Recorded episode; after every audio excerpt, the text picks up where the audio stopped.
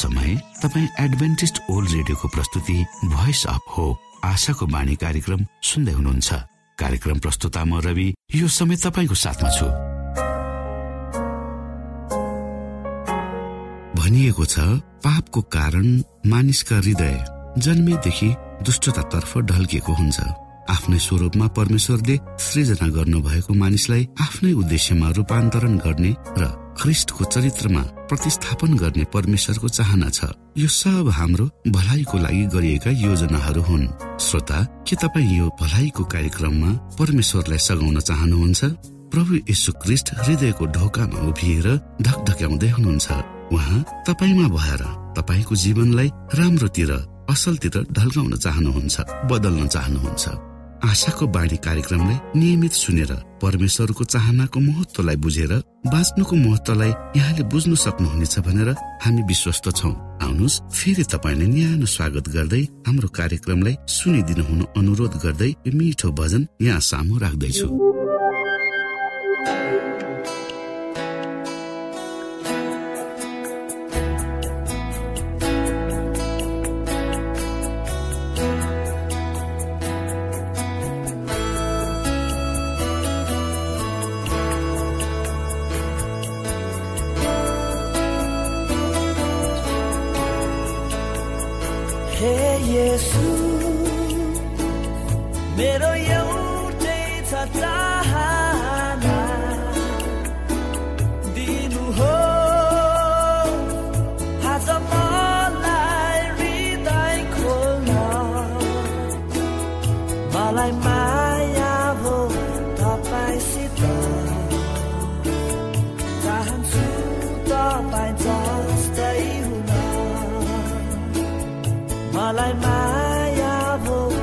ต่อไปสิตาจตามสู้ต่อไปต่อ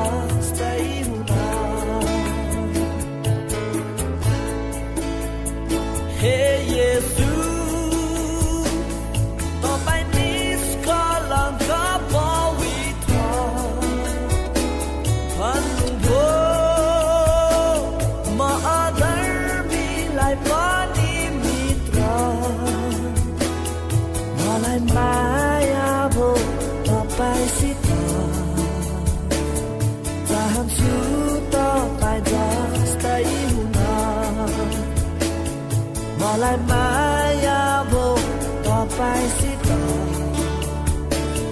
चाहन्छु तपाईँसँगै हिँड्न हे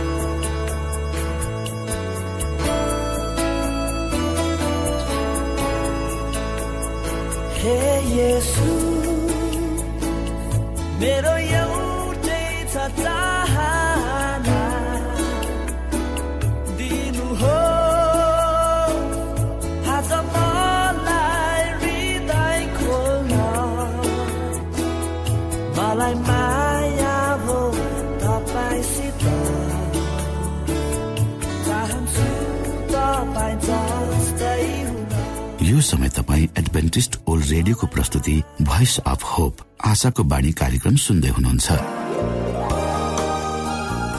तपाईँ आशाको बाणी कार्यक्रम सुन्दै हुनुहुन्छ। हामी आशा गर्दछौँ कि तपाईँले हाम्रा कार्यक्रमहरू सुनेर आनन्द लिनुभएको छ। यदि तपाईँ हाम्रो तर्फबाट सानो उपहार प्राप्त गर्न चाहनुहुन्छ भने कृपया गरेर हामीलाई bible at the rate AWR dot ओआरजीमा लेखी पठाउन सक्नुहुनेछ। अथवा हाम्रो वाट्सएप नम्बर प्लस एक दुई दुई चार दुई दुई दुई जिरो सात सात सातमा फोन गरेर सम्पर्क गर्न सक्नुहुनेछ।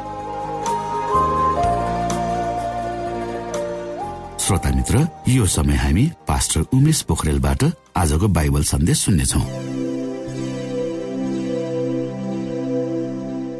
श्रोत साथी न्यानो अभिवादन साथ म तपाईँको आफ्नै आफन्त अर्थात् पास्टर उमेश पोखरेल। परमेश्वरको वचन लिएर यो रेडियो कार्यक्रम मार्फत पुनः तपाईँहरूको घर आँगनमा उपस्थित भएको छु।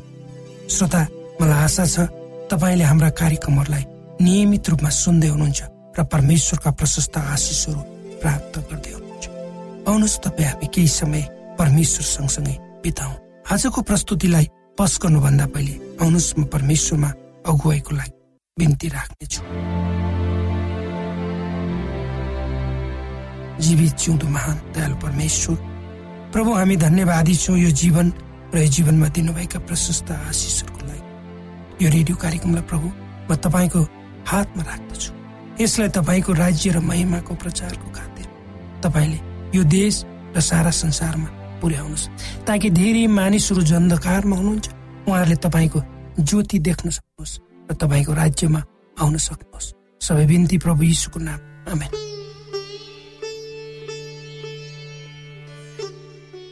श्रोत साथी हाम्रो जीवनमा प्रकाश नभई नहुने कुरा हो। हामीलाई आफ्नो दैनिक जीवनमा बाँच्नको निम्ति प्रकाश चाहिन्छ। यो प्रकाश दिनमा सूर्यको किरणबाट रात्रि चन्द्रमाको प्रकाशबाट वा विद्युतीय माध्यमबाट वा अन्य कुनै पनि माध्यमबाट पाइने किन नहोस् यसले हाम्रो जीवनको धेरै क्षेत्रमा प्रत्यक्ष प्रभाव पार्छ। यो बिना हामी जिउन सक्दैनौँ र मानव अस्तित्व यो संसारमा रहन पनि सक्दैन। यसले हामीलाई स्पष्ट रूपले देख्न मद्दत गर्छ र हामी त्यसैको आधारमा सही काम गर्न सक्दछौँ। सूर्य प्रकाशको स्रोतहरूमध्ये एउटा महत्वपूर्ण स्रोत हो र जीवित जीव जन्तु र वनस्पति जे जति छन् यो संसारमा सबैको निम्ति सूर्यको प्रकाश आवश्यक छ। यसको उपस्थिति भएन भने यो संसारको जीवनको अस्तित्व नष्ट हुन्छ। प्रकाशका विभिन्न मुहानहरू छन् अर्थात् यो विभिन्न क्षेत्रबाट पाइन्छ जस्तो आगो विद्युतीय माध्यम टर्च लाइट आदि धेरै कुरा। पुरानो समयमा मानिसहरू लालटिन वा दियोको प्रयोग गर्थे प्रकाशको लागि। म सानो छँदा हाम्रो गाउँघरमा टुकी भालिन्थ्यो। कसै कसैको घरमा लालटिन हुन्थ्यो भने पेट्रोल म्याक्स कुनै सभा वा कार्यक्रमको समयमा बालिन्थ्यो त्योभन्दा पनि गाउँघरमा मट्टी तेलको अभावको कारण सल्लाहका सासाना टुक्राहरू बनाएर बाल्ने गरिन्थ्यो। दिउँसै पनि घरको कुना काप्चामा कुनै कुरा खोज्नु पर्यो भने अहिले पनि बत्ती बालेर खोजिन्छ। रातको समयमा मानिसहरू एउटा ठाउँबाट अर्को ठाउँमा जानको निम्ति बत्ती बालेर हिँड्थे ताकि सही बाटोमा हिँड्न सकियोस् अनि जङ्गली जीव जन्तुहरूबाट पनि सुरक्षित रहन सकियोस् भन्ने मान्यता थियो। धेरै पानी परेको बेलामा राति हिँड्नु पनि एक किसिमको आनन्द भए पनि यो डरलाग्दो किसिमको हुन सक्छ यस्तो बेलामा आफूले बोकेको टर्च लाइट बिग्रिन सक्छ। अचानक आउने भल पहिरोले बगाएर हामीलाई लाने खतरा हुन सक्छ। प्रभु यसो यो संसारको ज्योति हुनुहुन्छ। उहाँ हाम्रा खुट्टाको निम्ति लालटिन हुनुहुन्छ। हाम्रो जिम्मेवारी भनेको उहाँको ज्योतिलाई पछ्याउनु मात्र जसले आफ्नो खातिर आफ्नो जीवनलाई बलिदान गर्नुभयो ताकि हामी अनन्तको ज्योतिद्वारा डोहोऱ्याउन सकौँ। किनकि उहाँ धार्मिकताको पुत्र हुनुहुन्छ। निर्णय तपाईँमा नै छ श्रोता साथी। तपाईँ भन्न सक्नुहुन्छ मेरो बत्ती मलाई मेरो जीवनको सबै कुरा कुना काप्चा हेर्नको निम्ति तपाईँको ज्योति चाहिन्छ। जब तपाईँ आफ्नो दैनिक जीवन यात्रालाई चलाउनुहुन्छ त्यति बेला परमेश्वरको ज्योतिले तपाईँले अरूहरूलाई पनि डोर्याउन सक्नुहुनेछ। किनकि परमेश्वर संसारको ज्योति हुनुहुन्छ। ज जसले उहाँको ज्योतिलाई ग्रहण गर्छन् उनीहरूले अन्धकारमा हिडुल गर्नु पर्दैन। तर उनीहरूले धारणा गरेको ज्योतिले धेरै मानिसहरूलाई परमेश्वरतर्फ खिच्नेछ। धेरै मानिसहरू यो संसारको अन्धकारमा हराइरहेका छन्।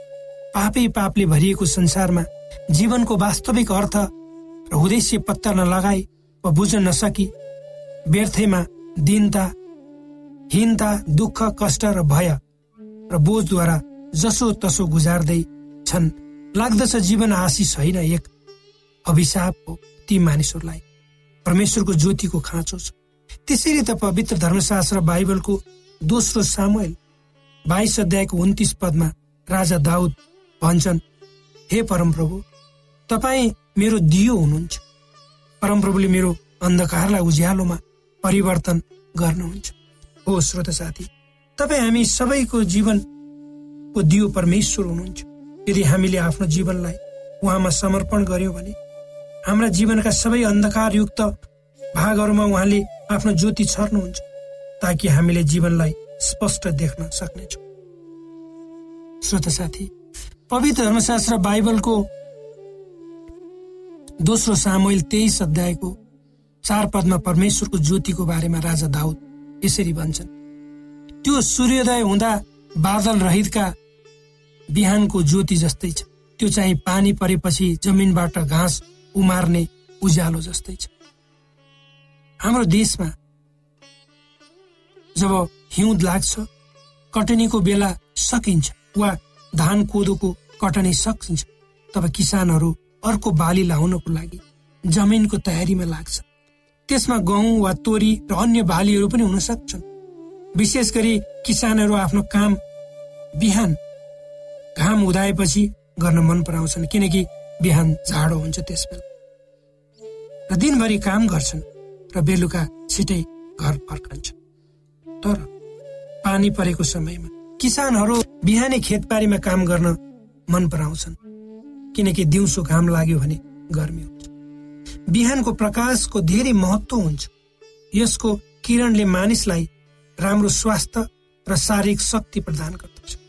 यसले उक्त दिनको निम्ति आशा दिन्छ। यसले हाम्रो शरीरलाई तताउँछ। यदि मानिसहरू बिहान सबैले उठेर आफ्नो काम गर्छन् भने त्यसले उनीहरूलाई आफूले गर्नुपर्ने कामलाई पूरा गर्ने अवसर दिन्छ। विशेष गरी बिहानको घा घमाइलो सूर्यको किरणमा दौडनु शारीरिक अभ्यास गर्नुले हाम्रो शरीरलाई धेरै कुराद्वारा फाइदा पुर्याउँछ। यदि तपाईँमा डिप्रेसनको रोग छ भने बिहान केही समय घाममा बिताउनु भयो भने त्यसले राम्रो त्यसै गरी शरीरका भागहरूलाई सूर्यको प्रत्यक्ष किरण केही समय पर्न दिनु अति नै राम्रो मानिन्छ। यो सित्तैमा पाइन्छ। त्यसैले मानिसहरू यसको महत्वलाई गम्भीर भएर लिँदैन र पालना पनि गर्दैन। यदि हामीले नियमित रूपले सूर्यको ताप ठिक रूपमा लियौँ भने कयौँ शारीरिक समस्याहरूबाट हामी मुक्त हुन सक्छौँ। हामीले डक्टरकामा गइरहनु पर्दैन। महँगो औषधिहरूमा पैसा खर्च गरिरहनु पर्दैन। त्यसै गरी बिहानको सूर्यको किरणमा गरिने शारीरिक अभ्यास जहाँ हावा स्वच्छ र ठन्डा हुन्छ सूर्यको किरणले तपाईँ हाम्रो शरीरको शक्तिलाई बढाउँछ। यही समय ठुला साना सबैले सूर्यको किरण ताप्नु पर्छ। संसारमा भएका सबै जीव जन्तुहरूलाई बाँच्नको लागि बिहानको सूर्यको किरणको आवश्यकता पर्छ। श्रोत साथी प्रभु येसु बिहानको ज्योति हुनुहुन्छ सूर्यको किरण हुनुहुन्छ किनकि उहाँ धार्मिकताको सूर्य हुनुहुन्छ। र उहाँ बिहानीको तारा पनि हुनुहुन्छ। जब हामीले उहाँको शक्तिलाई हाम्रो जीवनमा आउन दिन्छौँ जब हामीले आफ्नो प्रत्येक दिन बिहानी प्रभु यीशु क्रिसको सूर्यको किरणलाई हाम्रो शरीरमा पर्न दिन्छौँ भने हामी शारीरिक रूपले स्वस्थ हुन्छौँ। हाम्रो आत्मिकी शरीर पनि स्वस्थ हुन्छ। र उहाँको ज्योतिले गर्दा हाम्रो जीवन चम्कन्छ जब हामी आफ्ना दिनहरू उहाँसँग सुरु गर्छौँ तब हामी निश्चय नै आत्मिक रूपले आशिषित हुन्छौँ। यी वचनहरूले तपाईँलाई तपाईँको जीवन कसरी अगाडि बढाउनु पर्छ भन्ने कुरामा तपाईँलाई अगुवाई गरून् यही मेरो प्रार्थना। आशाको बाणी। श्रोता भर्खरै यहाँले पास्टर उमेश पोखरेलबाट बाइबल वचन सुन्नुभयो। यो समय तपाईँ एडभेन्टिस्ट ओल्ड रेडियोको प्रस्तुति भोइस अफ होप आशाको बाणी कार्यक्रम सुन्दै हुनुहुन्छ। कार्यक्रम सुनेर बस्नुहुने सबै श्रोतालाई हामी हाम्रो कार्यक्रममा स्वागत गर्न चाहन्छौ। श्रोता मित्र यदि तपाईँ जीवनदेखि हरेस खानु भएको छ तपाईँका जीवनमा धेरै अनुत्तरित प्रश्नहरू छन् भने आउनुहोस् हामी तपाईँलाई परमेश्वरको ज्योतिमा डोहोर्याउन चाहन्छौँ। र तपाईँ आफ्नो जीवनका चिन्ता फिक्रीबाट निश्चिन्त हुनुहोस् र बाँच्नुको आनन्द परमेश्वरको सामिप्यमा कति मिठो हुन्छ त्यो चाख्नुहोस् भनी हामी चाहन्छौँ। श्रोता यदि तपाईँ आशाको बाणी कार्यक्रमलाई अनलाइन सुन्न चाहनुहुन्छ वा डाउनलोड गर्न चाहनुहुन्छ भने डट ओआरजीमा जानुहोस्। त्यहाँ तपाईँले प्रत्येक दिनको कार्यक्रम सुन्न र डाउनलोड गर्न सक्नुहुनेछ। हाम्रो वेब पेज यस प्रकार छ डब्लु डब्लु डब्लु डट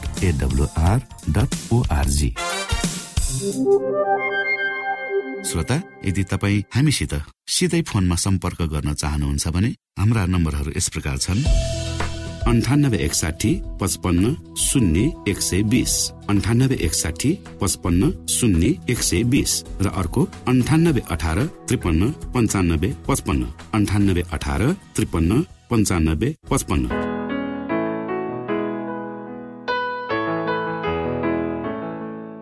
यो एडभेन्टिस ओल्ड रेडियो हो। तपाईँ आशाको बाणी कार्यक्रम सुन्दै हुनुहुन्छ। यस सम्बन्धी थप जानकारीको लागि कृपया गरेर हामीलाई सम्पर्क राख्न सक्नुहुनेछ।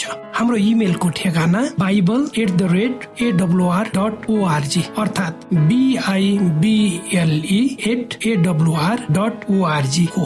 तपाईँ हामीलाई हाम्रो वाट्सएप नम्बर प्लस एक दुई दुई चार दुई दुई दुई जिरो सात सात सातमा पनि कल गरेर सम्पर्क राख्न सक्नुहुनेछ। अर्थात् प्लस एक दुई दुई चार दुई दुई दुई जिरो सात सात सात। यो आशाको बाणी रेडियो कार्यक्रम हो। म धनलाल राई यहाँहरूलाई यस कार्यक्रममा न्यानो स्वागत गर्दछु। श्रोता साथी आज म तपाईँको बीचमा बाइबल सन्देश लिएर आएको छु। आजको बाइबल सन्देशको शीर्षक रहेको छ परमेश्वरको भय मान वा उहाँप्रति श्रद्धा देखाउ र उहाँलाई महिमा देऊ यस परमेश्वरको भय मान वा उहाँप्रति श्रद्धा देखाउ र उहाँलाई महिमा देऊ भन्ने बाइबल सन्देशमा हामीले अध्ययन गर्नुपर्ने बाइबलको मूल पदहरू रहेको छ प्रकाश चौध अध्याय उत्पत्ति बाइस अध्यायको बाह्र पद उपदेशक बाह्र अध्यायको तेह्र र चौध कलसी तीन अध्यायको एक र दुई हिब्रू बाह्र अध्यायको एक र दुई र एक कोरन्थी तीन अध्यायको सोह्र र सत्र। र यस अध्यायमा हामीले सम्झनु पर्ने पद अथवा मेमोरी गर्नुपर्ने बाइबलीय भर्स रहेको छ प्रकाश चौध अध्यायको बाह्र पद। यहाँ लेखिएको छ सन्तहरूको धैर्यता यही हो तिनीहरूले परमेश्वरका आज्ञाहरू पालन गर्छन् र यसुको विश्वास तिनीहरूमा छ। श्रोत साथी डेनमार्कको लेखक दार्शनिक र धार्मिक शास्त्री सोरेन किर गेगरले सन् अठार सय तेह्रदेखि अठार सय पचपन्नसम्ममा युगको अन्तको बारेमा एउटा अर्थी कथा लेखेका थिए। त्यो कथाको सार हो एउटा नाट्यशालाको पर्दा पछाडि आगो सल्केको थियो। त्यस नाट्यशालामा हुने नाटकको एकजना पात्र जोकर थियो। त्यो जोकर रङ्गमञ्चमा उभिएर कराउन थाल्यो। आगो लागिरहेको छ। तपाईँहरू सबै भाग्नुहोस्। दर्शकहरूले सोचे उसले मजाक गरिरहेको छ। नाटकको एक भाग भनेर सबैले ताली बजाए। फेरि त्यस जोकरले चिच्यायो भाग्नुहोस् भाग्नुहोस्। जति उसले जोड गरेर चिच्याएर चेतावनी दिए त्यति नै दर्शकहरूले धेरै ताली बजाए। किर्के ग्याडको भनाइमा यस संसारको अन्त्य त्यसरी नै हुनेछ। संसारको अन्त हुँदैछ भनेर चिच्याउनेहरूलाई पनि संसारले ठट्टाने ठानेर सन्देश तिनीहरूको मजा उडाउनेछ भन्ने त्यस लेखकको धारणा थियो। हामीलाई थाहा छ कि युगको अन्त हुँदैछ र जे जे घटनाहरू घटिरहेका छन् त्यसले देखाइरहेको छ यो। यो ख्याल ठट्टाको विषय होइन भनेर हामीलाई थाहा छ। जल प्रलयपछि संसारलाई धेरै गम्भीर संकटको सामना गरिरहेका छन्। जलप्रलयलाई ओल्याएर संसारको अन्तको बारेमा चेतावनी दिन पत्रुसले पनि सम्बोधन गरेका थिए। पौराणिक समयमा जलप्रलय संसार नाश भएको जस्तै युगको अन्तमा प्रभुको दिन त चोर जस्तै गरी झट्टै आउनेछ जसमा आकाश ठुलो आवाज साथ बिति जानेछ तत्वहरू आगोको रापले पग्लिनेछन् र पृथ्वी त्यसमा भएका सबै थोक भस्म हुनेछन्। दुई पत्रुस तिन अध्यायको दश अनुसार के हुँदैछ या के आउँदैछ त्यसको बारेमा हामीले चेतावनी थाहा पाएपछि र विश्वास गरेपछि हामी तयार हुनु जरुरी छ। श्रोत साथी हामीले एउटा कथालाई हेर्यौं जुन नाट्यकारले आगो लाग्दैछ भनेको कुरालाई हेर्यौं कि साँच्चै नै त्यहाँनिर आगो लाग्दै थियो।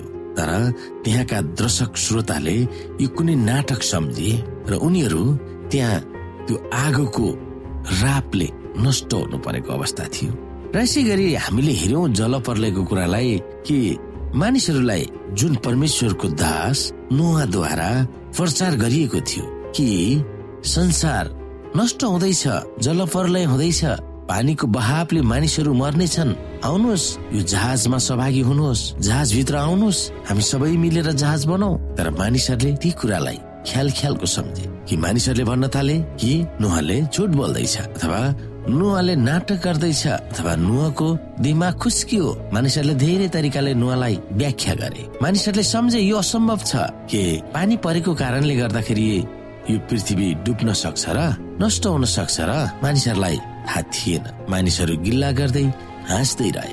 तर अन्तत श्रोता साथी यो पृथ्वी पानीको कारण अथवा धेरै वर्षा भएको कारण अथवा चालिस दिन चालिस रात वर्षा भएको कारण पृथ्वी चुर्लुममा डुब्यो। र डुब्ने लाग्दा मानिसहरूले नुहालाई भने नुहा बचाउनुहोस्। तपाईँले भन्नुभएको ठिक रहेछ साँचो रहेछ।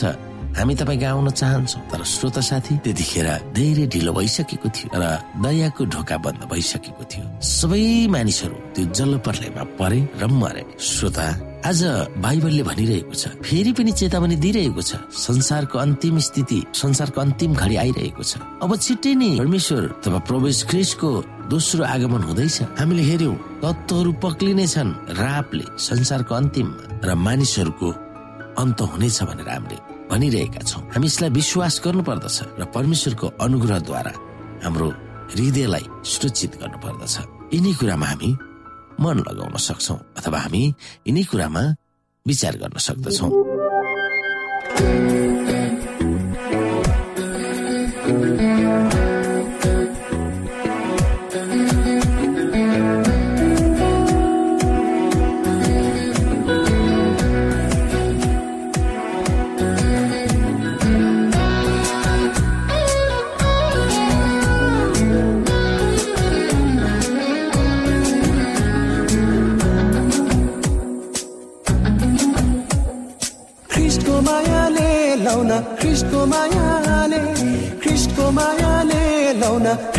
मायाले जीवनमा खुसी दिन्छ। ख्रिस्टको मायाले ख्रिस्टको वचनले लाउन ख्रिस्टको वचनले अजम्भरि जीवन दिन्छ। ख्रिस्टको वचनले।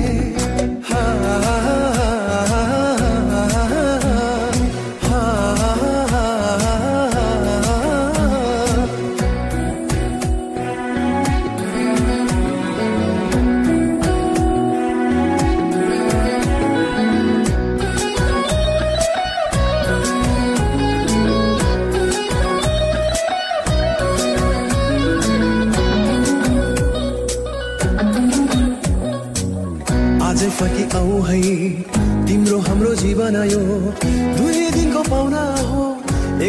फर्की जानु छ